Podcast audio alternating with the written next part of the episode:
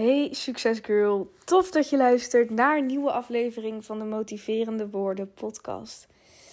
Ik ehm, neem de aflevering vandaag even op terwijl ik stil zit of hm, stil lig eigenlijk.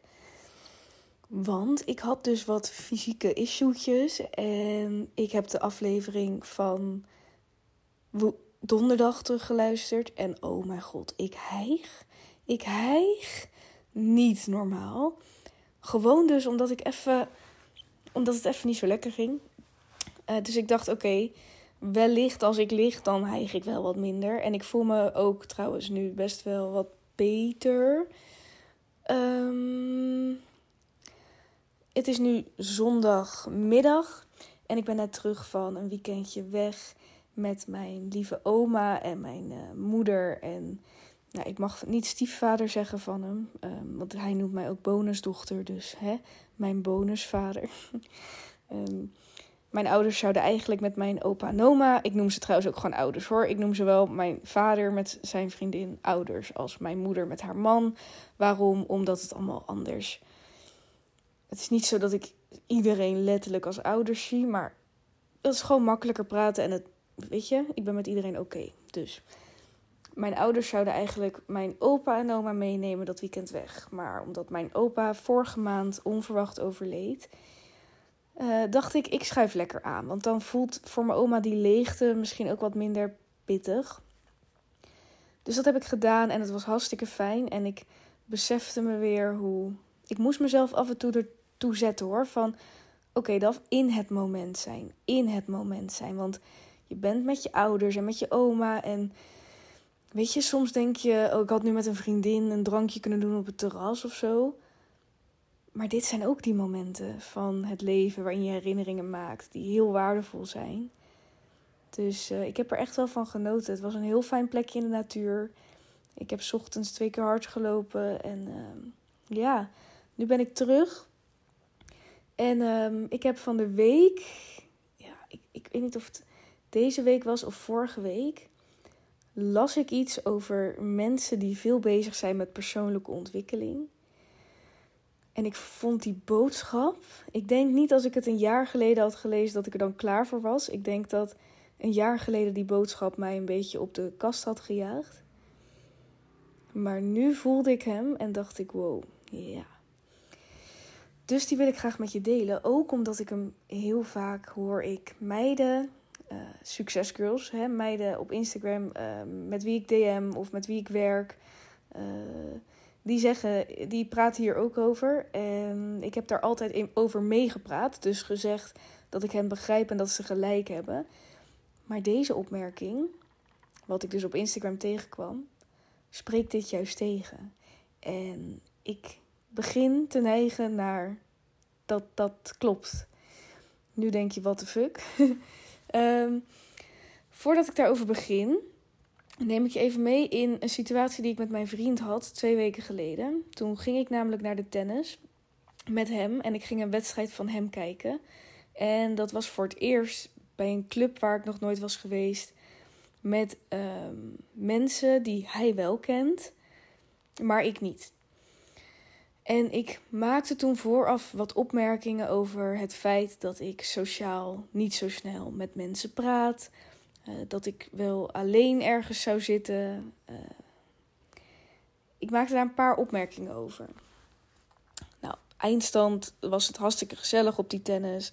Ik ben zelf wel wat eerder naar huis gegaan, maar het was prima. Het was leuk. Ik heb met wat mensen gepraat en helemaal oké.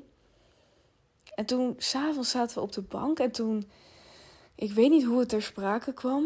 En toen zei hij: Jij blijft echt te erg hangen in dat jij je zegt dat je niet sociaal bent.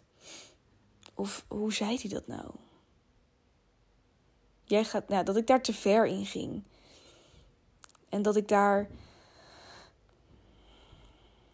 Ja, dat ik dat, ik dat te erg uitbuiten en te erg uitsprak. En sowieso is dat voor hem natuurlijk niet leuk als ik met hem ergens meega. Dat, daar heb ik al, dat heb ik al afgesproken. En dan vervolgens ga ik net wat dingetjes zeggen over dat ik wel alleen zal staan of dat ik geen zin heb om nieuwe mensen te ontmoeten. En ik begrijp dat van zijn kant. daar zit ook nog een ander uh, verhaal aan vast, waar ik de podcast van donderdag graag over wil doen. Over oké, welk, welke stempel geef je jezelf? Welk verhaal vertel je jezelf? Hè, misschien heb je ooit twee, drie, vier, vijf jaar geleden ontdekt van hé, hey, ik ben eigenlijk heel stil en ik ben introvert. Um, maar vijf jaar later, hoe zit je in dat verhaal wat je jezelf, welke identiteit je jezelf hebt gegeven? Dat is een ander verhaal. Voor nu, dit hangt heel erg samen met wat ik op Instagram tegenkwam. Dat ging over dat mensen die veel bezig zijn met persoonlijke ontwikkeling, zeker aan het begin, dus dat je dan heel veel verdiept in, ja, in eh, persoonlijke groei, zelfontwikkeling. Dan herken je misschien, misschien heb je het mensen horen zeggen, misschien heb je het zelf gezegd. Ja, ik hou niet van small talk en oppervlakkige gesprekken. Ik, uh, ik, ik, ja, ik vind het fijn om te connecten met mensen met wie ik diepgang kan hebben en eh, diepgaande gesprekken. En veel mensen gaan dit zeggen op het moment dat ze die overgang maken naar persoonlijke ontwikkeling. Dat ze daar meer over lezen. Dat ze doorhebben van hé, hey, er is veel meer. En op het moment dat je doorkrijgt van hé, hey, er is veel meer. En als ik mijn mindset juist heb, dan kan ik veel meer bereiken. Dan ga je ook naar andere doelen kijken voor jezelf. En dan zie je vaak dat mensen gaan zeggen van ja, ik hou niet zo van het oppervlakkige. Want doordat je zo geïnspireerd bent door wat je leest, wil je daar ook graag over praten. En wordt dat een soort nieuwe uh, hobby van je.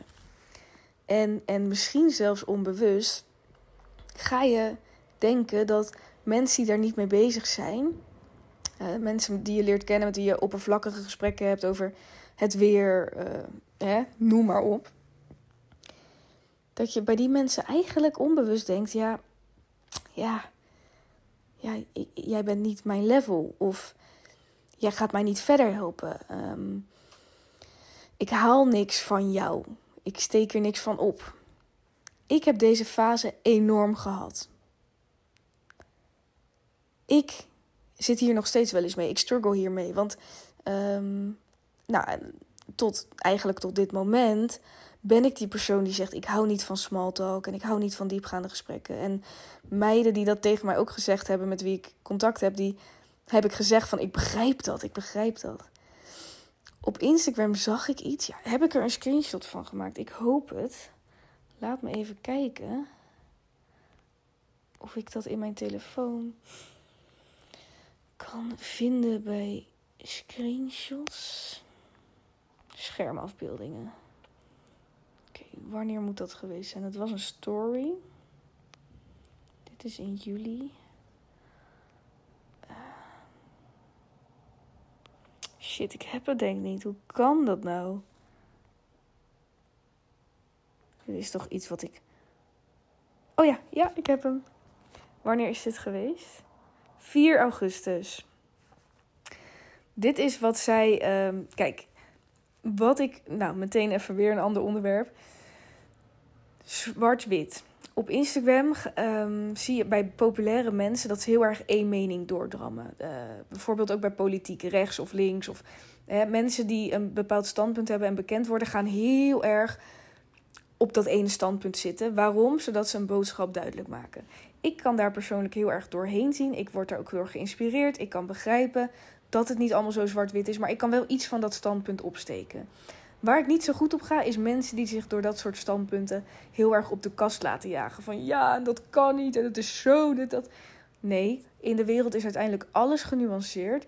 Maar mensen die een standpunt willen maken, moeten wel zo streng zitten op één kant. Anders wordt een boodschap, valt het niet op, gaat het op in de massa. En dat is ook met de succesgirl dat ik soms best wel eens pittig kan overkomen. Van bullshit dat je te moe bent. Bullshit. Je wil, je wil echt verder? Oké, dan ga je daarvoor. Uh, terwijl ik heb ook slechte dagen en dan doe ik ook geen fuck. Snap je? Oké, eh, dat is even een side note. Want deze screenshot die ik heb gemaakt, daarin uh, is het ook heel fel één kant. Zij heeft eerst een citaat gedeeld van iemand die dus praat over: Ik hou niet van oppervlakkig. Dat citaat gaat als volgt: Excuse my English. I hate small talk. I want to talk about atoms, atomen, death, aliens, sex, magic, intellect, the meaning of life, far away galaxies, the lies you've told, your flaws, your favorite scents, your childhood, what keeps you up at night, your insecurity and fears. I like people with depth who speak with emotion from a twisted mind. I don't know I don't want to know what's up. Uh, oftewel, hè, dat is het citaat. Oké, zij zegt daar vervolgens het volgende op. Only uneducated people say this. They read a few viral books like Rich Dad Poor Dad and then pretend at being smart. No one with a Juris Doctor degree, a MD or PhD would ever say this. First, we are surrounded by intelligent people. Second, small talk is a mandatory art form. People tell on themselves. Ja, ik weet niet helemaal wat dat laatste betekent. Wat ik wel weet is dat zij letterlijk zegt: alleen mensen die niet educated zijn, die niet echt gestudeerd hebben of uh, echt kennis hebben, die zeggen dit soort dingen. Die zeggen dingen als: ik hou niet van small talk, ik wil diepgaande gesprekken. Nu kan je denken, what the fuck? En ik voel me op de kast gejaagd. En hoezo? Ik hoef toch niet gestudeerd te hebben om slim te zijn? Begrijp ik. Zij gaat dus even in die felle hoek. Maar ik dacht wel, ja, ik heb toen inderdaad ook... Ik begon met een paar diepgaande boeken te lezen. En toen kwam ik met... Ik hou niet van dat small talk. En ik hou niet van oppervlakkige gesprekken. Luister, begrijp me niet verkeerd, hè? Ik heb dit nog steeds. Ik vind dus nog steeds die balans heel lastig. Maar wat ik wel begrijp en wat ik hier uithaal, is dat ik wel denk, ja, small talk is ook een onderdeel van het leven. Um, en small talk kunnen hebben is een kracht, want het helpt je aan een netwerk. Het zorgt ervoor dat mensen je ook aardig vinden. En dat mensen denken: hé, hey, daar is zij, ja, ze, die en die, eh, leuke meid, aardig, weet ik veel. Small talk is en nou trek ik het nog trek ik het weer strategisch. Ja, excuse me. maar smalltalk is heel slim. En ik kan het niet zo goed. Ik ben het wel aan het leren. Toen ik, uh, nou, vijf jaar geleden, oh mijn god. Ik, ik, ik kon met uitgaand, uh, als ik uitging en dan had ik een drankje op, werd ik extra bij de hand.